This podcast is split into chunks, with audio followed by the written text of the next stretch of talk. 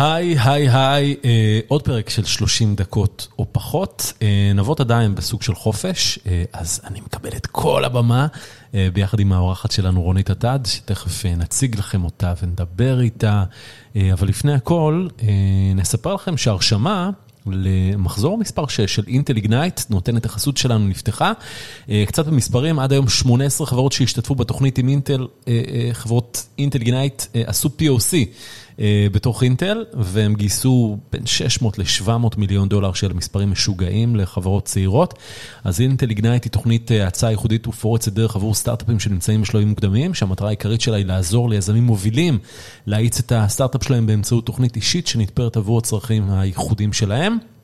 בכל שבוע לאורך התוכנית יש סדנאות והכשרות בתחומים שנמצאים במרכז העשייה הטכנולוגית והיזמית, כמו פיתוח מוצר, אסטרטגיה עסקית, שיווק ופיתוח עסקי. התוכנית כולה מלווה במנטורינג צמוד של החברות שמשתתפות בתוכנית, מנטורים שהם טובי המומחים בתעשייה ומנטורים טכנולוגיים של אינטל. אינטל כמובן לא דורשת לא מניות בחברות שמשתתפות או כל תשלום אחר. אז אם אתם סטארט-אפ שגייס לאחרונה לפחות מיליון דולר ועוסק בטכנולוגיות עמוקות בתחומים כמו בינה מלאכותית, מערכות אוטונומיות, מערכות מחשוב, cyber security ועוד, היכנסו לאתר ותגישו מועמדות, intelignite.com, intelignite.com, מאוד מאוד פשוט.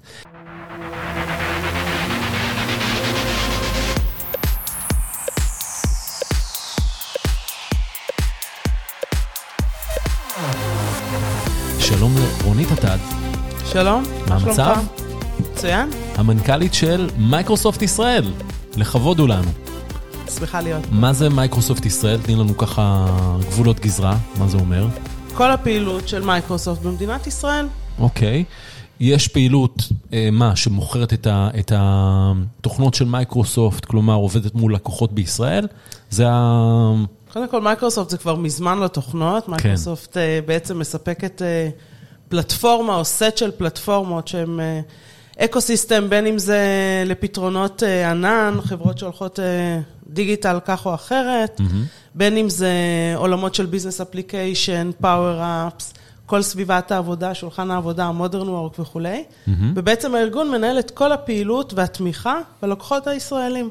גם. אם הם גלובליים ויושבים בישראל, mm-hmm.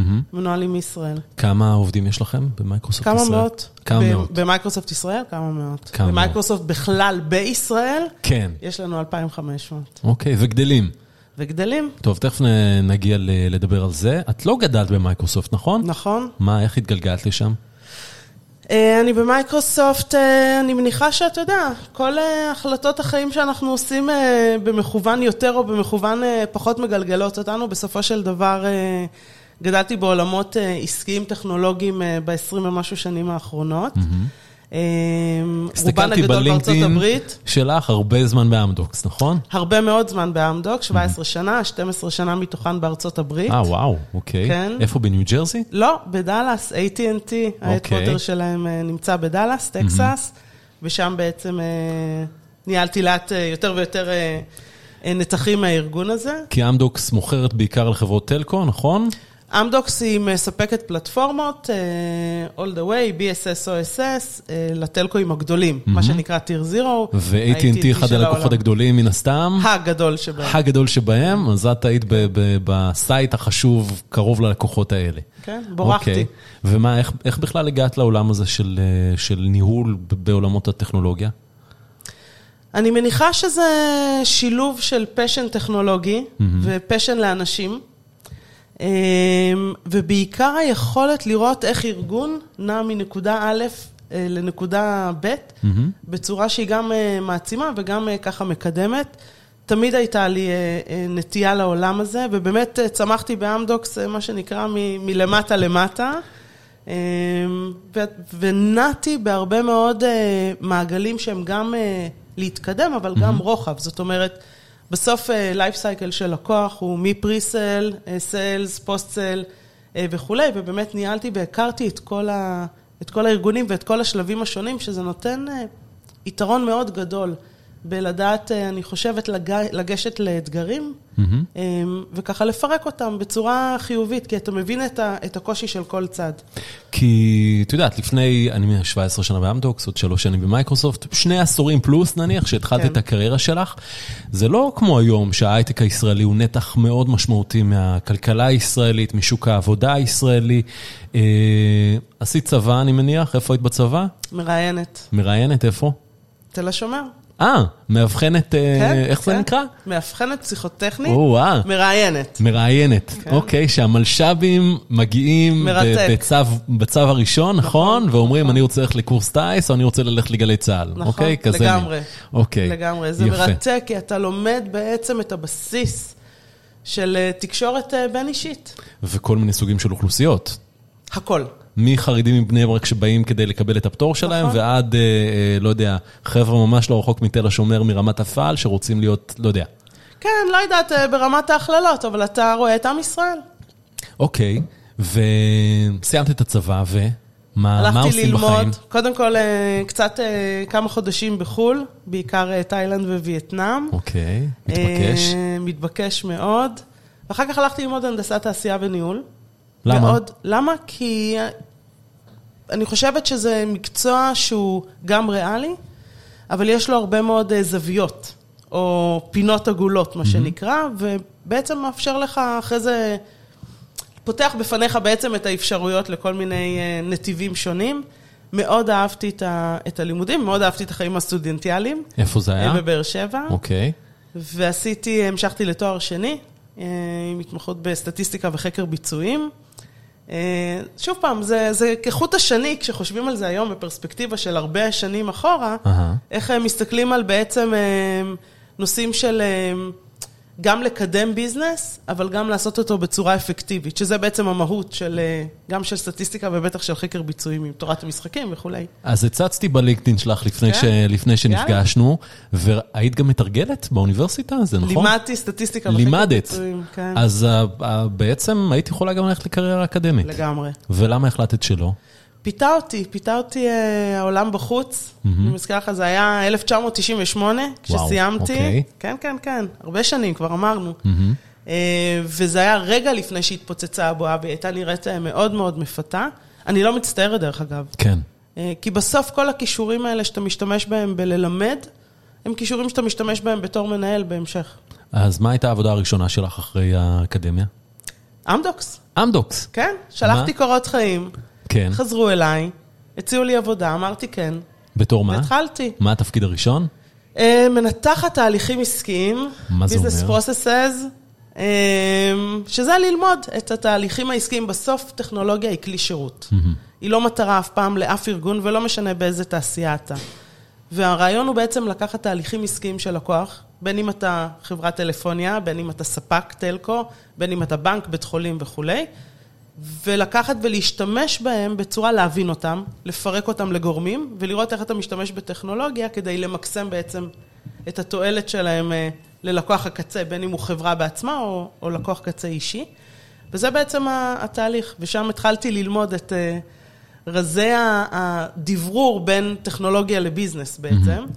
אה, זהו, שם במשרדים ברעננה? ב- במשרדים, במרכז? זה היה עוד ברמת גן. אה, וואה, אוקיי. אנחנו מדברים על לפני הרבה שנים, אה, ואז עשיתי רילוקיישן. אה, ואיך זה היה, המעבר הזה? וואו, אה, חוויה מדהימה, חוויה מאוד מעצימה בלראות איך אתה לוקח את עצמך ומתחיל לפתח חיים ולבנות חיים במדינה שהיא לא שלך, לא בשפה, לא בתרבות, לא בחברה. וזה אה, לא ניו יורק שבטח ביקרת פה ושם, זה לא דאלאס, היינו. טקסס, זה כאילו... לא היינו, אני ו- ובן הזוג שלי, אנחנו הרבה מאוד שנים ביחד. נסענו, חוויה, היינו צעירים. ונסענו. לשנתיים, נשארנו 12. איך היה שם? מדהים. מדהים. ולא פחות מאתגר או קשה לעשות הרילוקיישן, החזרה גם מאתגרת במיוחד. היא בעיקר כי האחריות שלך היא כבר כלפי משפחה שלמה, כן. ולא רק כלפי עצמך כאדם בוגר. עבורנו זה היה לחזור. למה? אה, לארץ, אני, אני אגיד לך, ולילדים זה היה לעבור למקום שהוא בעצם לא שלהם. למה חזרנו? רצינו להיות חזרה קרובים למשפחה, ההורים לא נהיים יותר צעירים. 12 שנה זה פרק זמן מאוד משמעותי בחיים. הילדים נולדו שם? הילדים נולדו שם, גדלו שם. כמה ילדים? שניים. אוקיי. היום הם בני 19 ו-17, בן ובת. כן, כן. וגם עבורם, אני חושבת שזאת מתנה מאוד מאוד גדולה, לחזור או לעבור לישראל, למדינה שזאת לא שפת האם, לא שפת האם שלהם, הם מדברים עברית, אבל... ולפתח לעצמם חיים חדשים, ולהסתדר, וזה בעיניי האחריות שלנו בכלל.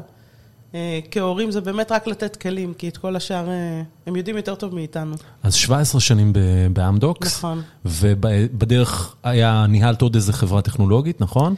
ב-17 שנים באמדוקס, שבאמת אה, רובן הגדול הוא ניהול ארגונים עסקיים, הניהול של אמדוקס AT&T, ואחר כך באמת רכישה שמאוד גדולה שאמדוקס עשו, שזה של קומברס. שהייתה גם כן פאר יצירה ישראלית. כן. ואחר כך עברתי למנכ"ל חברה בשם אלעד מערכות, שזה SI, מקומי שעוסק בעיקר בעולמות של CRM mm-hmm. ו-Managed Services, וגם שם עשיתי כמה רכישות כדי לעבות אה, את הפורטפוליו סביב עולמות של e-commerce.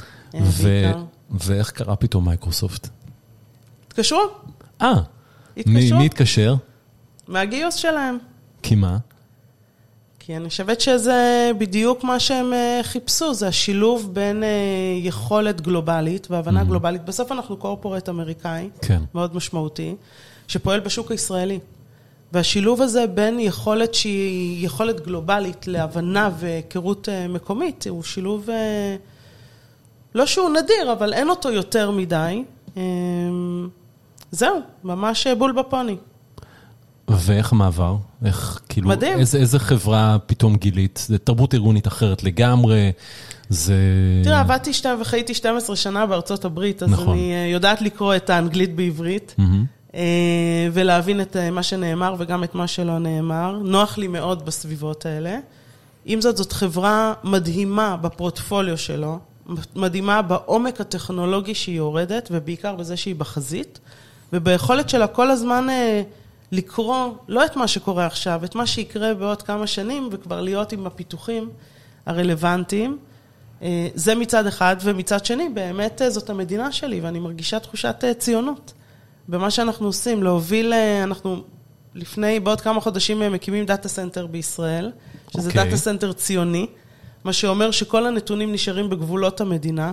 כי זה מה? מרגש. כי זה, כי זה עבור מדינת ישראל? זה עבור אה, לקוחות במדינת ישראל, שחשוב mm-hmm. להם שהנתונים יישארו בגבולות המדינה, mm-hmm. בין אם זה תחת אה, רגולציה ובין אם זה תחת אה, קווים מנחים שהם פיתחו לעצמם. וזה אומר שבעצם כל הפלטפורמות הענניות של מייקרוסופט, על כל העננים שלהם, יהיו בישראל. בעיניי זה אירוע מכונן, אה, באמת מכונן. אה, פעם אחת, פעם שנייה זה מספק מקומות עבודה, זה מביא את הטכנולוגיה הכי הכי מתקדמת לתוך ישראל, ואת היכולת של הלקוחות שלנו, ככה עם קצת פחות לפחד, לעשות את הצעדים האלה. בסך הכל, אני, כשאני מסתכלת היום בכברת דרך שהמשק הישראלי עושה, היא כברת דרך מאוד מרשימה. אנחנו הרי אה, אה, עם של אה, יצירתיים. Mm-hmm. והיכולת הזאת, ההבנה הזאת, שבעצם, מה נותן לך הרי ענן? ענן הוא בסוף שרתים על רצפה, כן? כן. אבל מה שזה נותן, זה נותן יכולות. זה מביא את יכולות ה-AI המתקדמות. אה, זה אומר שהדאטה. היום ארגונים משתמשים סדר גודל ב-6% מהדאטה שלהם. זה הנכס הכי חשוב שלהם. זה פעם אחת. פעם שנייה, כשאתה מסתכל היום, ולא משנה אם זו חברה שמייצרת... אה, רכיבים אה, למכוניות, חברה שהיא אה, חקלאית, חברה שהיא יצרנית, חברה שהיא בנק, בית חולים, לא חשוב מה, החברות האלה לכולם יש גופים טכנולוגיים, הן בסוף הופכות להיות גם בתי תוכנה, בצורה מסוימת. לכן הם גם, השימוש שלהם ב data הוא מאוד מאוד משמעותי. מה שה data center בישראל יאפשר להם זה באמת להשתמש ביכולות הכי גבוהות, לעשות עיבוד הרבה יותר מהיר אה, מקומי, ולהשתמש בזה, זה שלהם לגמרי. זה בשילוב עם סביבות עבודה מתקדמות. היום אנחנו עובדים היברידי. כל המשק עבר להיברידי מיותר מפחות. אה, כלומר, עבודה מהבית ועבודה במשרד, נכון, בצורה משולבת, אוקיי. נכון. לא רק זה, אני חושבת שהיום כשיש, אה, אתה צריך להצדיק, אני מרגישה צורך להצדיק לעובד שלי, למה אני מבקש ממנו להגיע, למש... אם אני מבקש ממנו, להגיע למשרד, למה אני מבקשת ממנו שעה להיות בפקקים? אני צריכה להצדיק את הנוכחות במשרד, אני צריכה שהערך של המפגש הבין-אישי יהיה כזה של משימות שהוא לא יכול לעשות כשהוא עובד מהבית, בנוחות שלו. ולכן הפלטפורמות עבודה, modern work, כל החיבוריות, כל הנושא של security שהוא היום בז בכל מקום, אין בכלל מה לדבר. נושא של אפליקציות מאוד חכמות, שהן עוטפות בעצם את כל השירותים האלה. כל הדברים האלה הם מאוד מרגשים ברגע שהם בישראל. אז למה, למה בעצם לפתוח data center? זו השקעה עצומה, אני מניח. מה, כמה משקיעים כדי לפתוח כזה דבר? הרבה מאוד. הרבה מאוד? אנחנו מדברים על מיליארדים? אנחנו מדברים על מאות רבות. מאות רבות של מיליוני דולרים. איפה, איפה הוא נמצא? במרכז המדינה. במרכז המדינה. למה? מה, מה... יש, יש כל מיני מגבלות. קודם כל, אתה צריך יותר מאתר אחד, mm-hmm. כי אתה רוצה גם אתר של גיבוי. והדבר השני הוא שיש הרבה מאוד מגבלות. ה data center ספציפית שאנחנו בנינו כבר בכמה שנים האחרונות, הוא בעצם, למי שמבין, הוא tier 4, זה אומר שהוא גם ממוגן, הוא גם מתחת לאדמה. הוא אלקטרומגנטי, אני כל פעם צוחקת, חוץ מנגד קורונה, הוא נגד הכל. אוקיי. כשהוא נבנה עוד לא ידענו. זהו, מדהים. ולמה חברה כמו מייקרוסופט, אוקיי, שישראל, זה לא, זה לא השוק המרכזי שלה, בוא נגיד ככה, זה שוק בסדר, שוק כזה בינוני, אם משווים אותנו לאירופה, למה לבנות data center דווקא כאן? מה, לא, לא טוב איך שעבדנו עד היום? אנחנו יכולים לשאול קודם כל למה בכלל להשקיע במדינה כמו ישראל בגודל כן. שלה, אבל ישראל היא מדינה מרתקת, מייקרוסופט רואה בה יעד מאוד משמעותי. כמה דברים אולי, אחד, מרכז הפיתוח בישראל, שמונה למעלה מאלפיים עובדים, הוא מרכז הפיתוח השני בגודלו, מחוץ לארצות הברית. יש אז פה... בעצם ה data center משרת גם את, את uh, מייקרוסופט? Uh...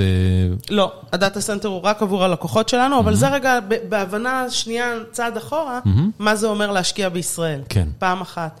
פעם שנייה הקמנו כאן, או הרחבנו את פעילות הסטארט-אפים שלנו בצורה מאוד משמעותית, עם גוף uh, והשקעות מאוד גדולות uh, בסטארט-אפים. אז זה בכלל, ודבר שלישי זה שמייקרוסופט רוכשת. כל הזמן חברות שנמצאות בישראל. אז בכלל מייקרוסופט רואה בישראל יעד מאוד מאוד חשוב ומאוד מעניין להשקעה. אחד, בגלל הידע והכוח הטכנולוגי שנמצא פה בשוק בכלל. שתיים, בגלל היכולת שלנו לנוע מאוד מאוד מהר ולאמץ טכנולוגיות. ושלוש, כי אנחנו בסופו של דבר שוק מרתק ביכולת שלו גם להסתכל עליו וגם לאמץ דברים וגם לשנות תוך כדי, כי זה חלק מהעניין. data center, כמו בכל, נושא הביטחון אה, במדינת ישראל הוא necessity, אה, כן. אנחנו, אתה יודע, עוסקים בזה כבר הרבה מאוד שנים. בטח בתקופה האחרונה, נכון. בשבועות האחרונים. כן, וגם הרבה לפני זה. Mm-hmm. אה, ולכן גיאוגרפית אנחנו מאוד רוצים כמדינה שיהיה לנו data center משלנו, ומייקרוסופט רואה לנכון לעשות השקעה מאוד משמעותית עם כל היכולות שלה. במדינת ישראל. אז זה משהו שהגיע מתוך מייקרוסופט, או מישהו במדינת ישראל בא אליכם ואמר, חבר'ה, אולי כאילו, בואו בוא תקימו פה משהו, ואנחנו נעזור לכם. קודם כל, יש עניין של הרבה מאוד חברות בישראל. כן. אנחנו לא היחידים שמסתכלים על ישראל כמדינה מאוד מאוד מעניינת, mm-hmm. וטוב שכך. וזה שיש יכולות... ואתם לא היחידים ות... שבונים כזה מרכז לחלוטין, בישראל. לחלוטין, אנחנו נהיה הראשונים שפותחים אותו, mm-hmm. אבל האחרים will follow, מה שנקרא. ובעיניי זה מדהים. זה מדהים, כי ישראלית, החברות הכי גדולות, עם הטכנולוגיות הכי טובות בעולם, משקיעות במדינה שלי, ואני כאזרחית, קודם כל, שכל החברות האחרות הן בעצם סוג של מייצגות אותי כך או אחרת, גם אם אני לא במייקרוסופט, בעצם מספקות לי תחרות שהיא תחרות מאוד בריאה. אז מתי, מתי זה נפתח? לפני סוף גוזרים השנה. גוזרים את הסרט מתי? לפני סוף 2022. אוקיי, ויהיה טקס כזה עם שרים וזה, או... יהיה טקס. אוקיי. יהיה טקס, זה יהיה חגיגי, וזה באמת מאוד מאוד מרגש. וזה יושב תחתיכם, תחת מייקרוסופט ישראל? זה יושב תחת מייקרוסופט. תראה, מייקרוסופט, בסוף יש מייקרוסופט. כן.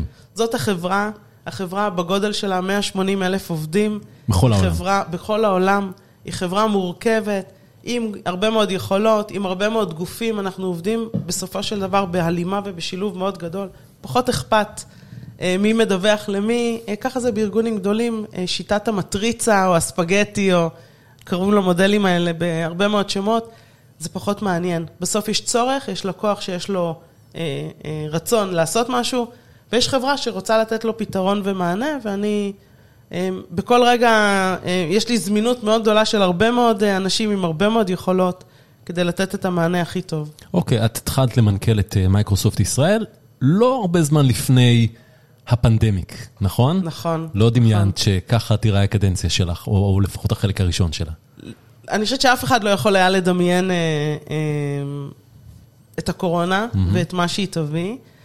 אה, אני חושבת שכמו כל אה, מצב קיצון, היא מושכת אותנו ככה לקצוות, מאתגרת.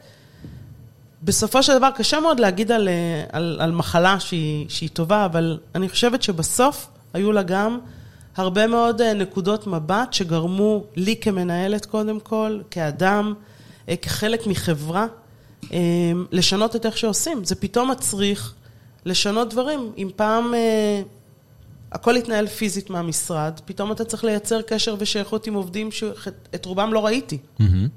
איך עולים לשיחה, אין שמוז במסדרון. אין את, ה, אין את, ה, את הקשר הבין-אישי הזה. איך מייצרים אותו כשעולים לשיחת טימס? איך uh, מייצרים uh, פתיחות ואמון סביב פלטפורמות טכנולוגיה? הקפדת להגיד טימס, אהבתי את זה. זה הכלי שאנחנו ברירה. משתמשים בו. כן. כן, כן. Um, ולכן זה, זה מאתגר בעיקר, זה הצריך אותי לחדד, להיות מאוד מדויקת. ולהשקיע הרבה יותר זמן בפגישות שהן פגישות ללא, ללא אג'נדה, מה שנקרא.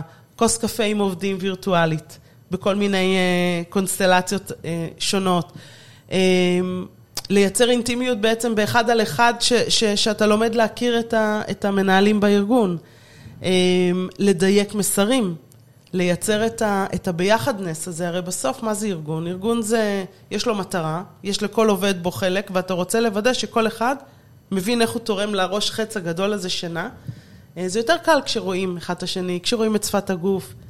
זה יותר קשה וצריך, מצריך, צריך ממני, צריך ממני ומהמנהלים אה, לדייק את זה, וזה בעיניי אה, מרתק, אני לא חושבת שזה ילך.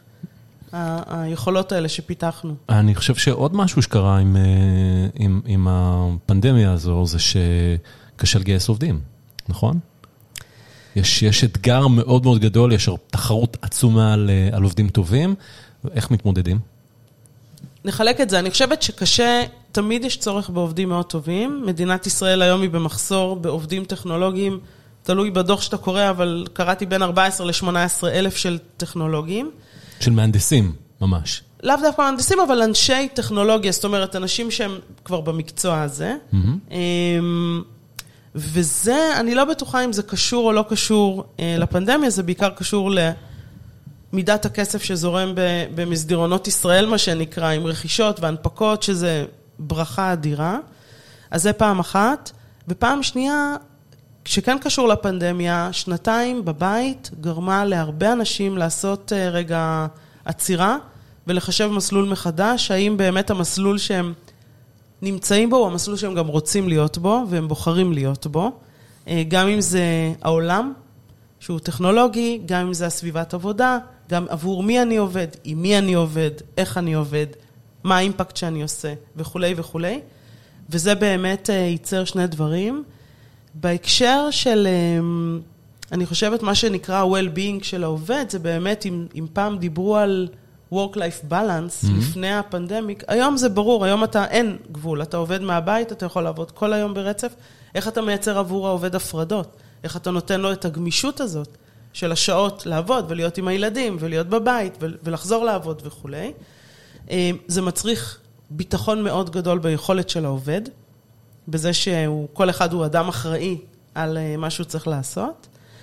אמ, ובהקשר של, של החוסרים שיש, אני חושבת שאנחנו עושים, אנחנו ועוד ארגונים, דרך אגב, במשק, אה, בעיקר הטכנולוגיים, אחד, יש לנו אחריות, ושתיים, אנחנו עושים דברים שהם באמת ההבנה שמעגלי העבודה הם לא הקלאסיים. זאת אומרת, אם אנחנו רגילים שהולכים לתיכון, רובנו הולכים לצבא, אחרי זה רובנו הולכים לאקדמיה, אה, או מתחילים לעבוד ולרכוש ניסיון, זה לא מספיק, כי יש מחסור. איך אנחנו פונים למעגלי עבודה שהם לא קלאסיים. זאת אומרת, למשל, יוצאי צבא שהם קרבים. זה לא 8200, שהם ברור שהם יבואו לטכנולוגיה, ואנחנו באמת מייצרים עבורם קורסים. כי הם מביאים עבודת צוות, כי הם מביאים, מביאים את היכולת לעבוד בתנאי ודאות, בלחץ, אמ, להיות יצירתיים כשצריך. נכון, אז הם לא יודעים אה, את השפה כרגע, אז אנחנו אה, מאפשרים קורסים. דבר שני זה למשל כל אוכלוסייה של הלומי קרב, שלצערנו יש לא מעט בארץ. ואנחנו מבינים שהם צריכים גם מעטפת טיפולית שהם מקבלים, אבל איך, מחזירים, איך מכניסים אותם למעגל העבודה. אז לכם ספציפית במייקרוסופט יש תוכנית להלומי קרב? כן, כן, מדהימה, מרגשת בעיניי. המחזור הראשון הסתיים, ואנחנו כבר מתחילים עם המחזור השני. מה, כרגע, לאיזה תפקידים? יש עשרה קורסים שונים, שהם כולם בעולמות הטכנולוגיים. ואחרי זה... מה, בוטקאמפ של פיתוח או לא מקצועות לא פריפריה יותר? לא רק, ניהול, ניהול פרויקטים, עיצוב מוצר, בבדיקות, כל מיני מקצועות. אה, יש את העשרה המקצועות שהם הכי אה, נדרשים. Mm-hmm. ואנחנו בעצם מאפשרים פלטפורמה להיכנס למעגל הזה. מה עם ה... בוא נגיד ככה, שלוש אוכלוסיות גדולות ש, שהמשק צריך להתרחב אליהן, גברים חרדים, ערבים, נשים, אה, איך אתם, איך אתם עובדים שם? כל, כל תחום כזה הוא במקום אחר ובהסתכלות אחרת, ברור שצריך את הכל. אה, נשים, אני אגיד שבכלל, בעיניי, אה, נושא של נשים, קודם כל כארגון, אנחנו ארגון עם אחוז נשים מאוד מאוד גבוה. כמה? וגאווה מאוד גדולה, אנחנו עומדים על 40 אחוז נשים בארגון. Mm-hmm. שזה גאווה גדולה, וזה אומר שאנחנו מתחילים לעבוד עם נשים בכל מיני מסגרות. זה מתחיל בחינוך. יש אחריות אה, לנו כחברה ויש אחריות למדינה להתחיל בשילוב של חינוך טכנולוגי מגילאים מאוד צעירים, אחרי זה בצבא, אחרי זה, אני מדברת הרבה מאוד מול נשים שהן אה, בשנות ה-20 המאוחרות שלהן, בין אם זה קצינות, בין אם זה סטודנטיות. אה, יש גם את העניין של role models, נכון? אני מניח שכשאת התחלת את הקריירה, היו מעט מאוד מנהלות בכירות באמדוקס. אני הייתי הרבה מאוד שנים, הרבה מאוד שנים, כן. אמ, בין הנשים היחידות בתפקידים עסקיים. כי יש תפקידים שהם יותר ככה קלאסיים. כן, HR וכולי. נכון. בתפקידים עסקיים. אה, ויש לזה גם מחיר. בואו, mm-hmm. אנחנו צריכים לשים את זה על השולחן. אני תמיד אומרת להם שכשגבר יש לו קריירה, אז יש לו אה, אה, בדרך כלל אה, בת זוג או בן זוג שדואג לילדים, אמ, ופשוט חברתית, זה, זה מקובל. כשאישה נכון. יש לה קריירה, גם היא צריכה בן או בת זוג שידאגו לילדים אה, או למשפחה וכולי, ולכן אה, זה מסוג הדברים שצריך לדבר אותם, וצריך לשים אותם על השולחן. אה, אבל בסוף להיות מנהל זה להיות מנהל. זה פחות משנה אם אתה גבר או אישה. זה פעם אחת. אז פעם שנייה לדבר את זה, ולשים את זה, ולהגיד כן, ואני משתפת מאוד בפתיחות במעגלים האלה, גם על הדברים... של מה עבד לי וגם על מה לא עבד לי, ומה המחירים ששילמתי ואני משלמת. ואת מביאה את, ה, את הסיפור האישי שלך? לחלוטין. את המשפחה הפרטית שלך? לחלוטין. אני, זה כל מה שאני מכירה זה את הסיפור שלי. כן. זה מה שאני יודעת. אני יודעת רק לדבר על עצמי מה, מההיבט הזה. איך זה עבד לכם באמת? עשיתם גם רילוקיישן, אני מניח שזה היה בעקבות העבודה שלך, לא העבודה של הבן זוג. האמת שאת הרילוקיישן, אני אמנם נסעתי לעבוד, אבל זה היה בעיקר אה, באמת כי אה, אה, הבן זוג שלי רצה לעשות מאוד את ה-MBA בארצות הברית, mm. ולא רק את זה שנעשה בישראל, וככה נסענו לחוויה. אבל כן, זה מארג שלם. עכשיו, במארג הזה יש הרבה מאוד דברים שצריך להסתכל עליהם, בין אם זה נשים כנטוורק. אנחנו מאוד טובות בלנהל נטוורק, פחות טובות בלהשתמש בו למטרות עבודה. אמ, בלדעת ולהגיד מה אנחנו רוצות. מה התפקיד הבא, מה התפקיד הבא הבא שאת רוצה לעשות, ולהגיד את זה. לתכנן קריירה. לתכנן קריירה, לחלוטין, אה, ולדבר את זה. באיזה, אחד... באיזה שלב צריך להתחיל לחשוב על, על הדברים האלה? אני לא חושבת שאף פעם לא חשבתי על זה. Mm-hmm. זאת אומרת, אני, זה היה לי כל כך ברור שזה המסלול חיים שלי, אמ, ושחשוב לי... אחד, להיות במקום שאני מאוד נהנית להיות בו. שתיים, לייצר, אה, לייצר אימפקט. שיהיה לזה משמעות לשעות האלה ולעבודה הזאת. כלומר, הבת שלך בת 19 או 17? 17. בת 17, והיא כבר מסתכלת קדימה, אני מניח, היא כבר חושבת מה היא תעשה בצבא, ואת מדברת איתה על זה? על מה את רוצה לעשות שתהיי גדולה, ואיך את מתכננת את הקריירה בצורה יעילה? תראה, אני, אני רוצה להאמין ש... שקודם כל זה מה שהיא רואה בבית, גם היא וגם הבן שלנו, כן. שזה שני הצדדים של אותו, אותה מטבע, והחברות והחברים שלהם. אמ, וכן, אני מדברת אה, כשהיא רוצה לשמוע את דעתי. בגיל 17 אתה לא תמיד רוצה נכון. לשמוע את דעתם של ההורים, ולכן זה בסדר גם. רוב הזמן אתה לא רוצה, אבל כן. נכון, נכון, וזה חלק מההתפתחות וחלק מהעצמאות. אבל זה חלק באמת, תראה, כשאני הסתכלתי על הדור של אימא שלי, זה היה דור אחר, אני בדור שהוא יותר פורץ דרך מבחינת קריירות. לבת שלי ולחברות שלה כמובן, אני חושבת שזה יהיה אתגרים אחרים, כי זה כבר ברור שיש נשים בעמדות מפתח ובעמדות בחירות וכולי. אבל יש משמעות מאוד גדולה בלדברר עבור נשים מה הן צריכות לעשות ומה חשוב לעשות. אז אמרנו, לדעת מה את רוצה לעשות, אמ, להגיד את מה שאת רוצה לעשות, להיות במקום שאתה, שהוא נכון לך. אמ, ודבר נוסף זה הנטוורק, ואולי הדבר האחרון זה לדבר על כסף. אמ, זה בסדר לדבר על כסף, זה בסדר לבקש כסף, זה בסדר להגיד כמה את שווה. חושבת שאת שווה, בהתאם למה שמקובל בשוק, לא פחות, לא יותר מדי, אבל לדבר את זה. אמ, יש לנו כהכללה נטייה פחות לדבר על כסף, גברים זה הרבה יותר טבעי להם, ולכן אה, בדברים האלה. אני רוצה רגע שנסתכל כן בעולמות של, של, של הסטארט-אפים, ביזמות, mm-hmm. כי שם אני חושבת שמשם... אמ, אם מסתכלים רגע מה קורה, זה עולם מאוד גברי, שמתחילות להיות בו נשים פורצות דרך ונשים מאוד משמעותיות, וגם שם ההסתכלות היא, היא לדבר את זה. אה, כשיש אישה בראש הפירמידה, כנראה שיותר קל לה לראות אישה מתאימה לתפקיד, אה, מאשר גבר לא כאפליה מתקנת, אלא כי פשוט במה שלא נאמר גם כן קל יותר לראות, ולכן המגוונים האלה הם מגוונים ש, שקורים.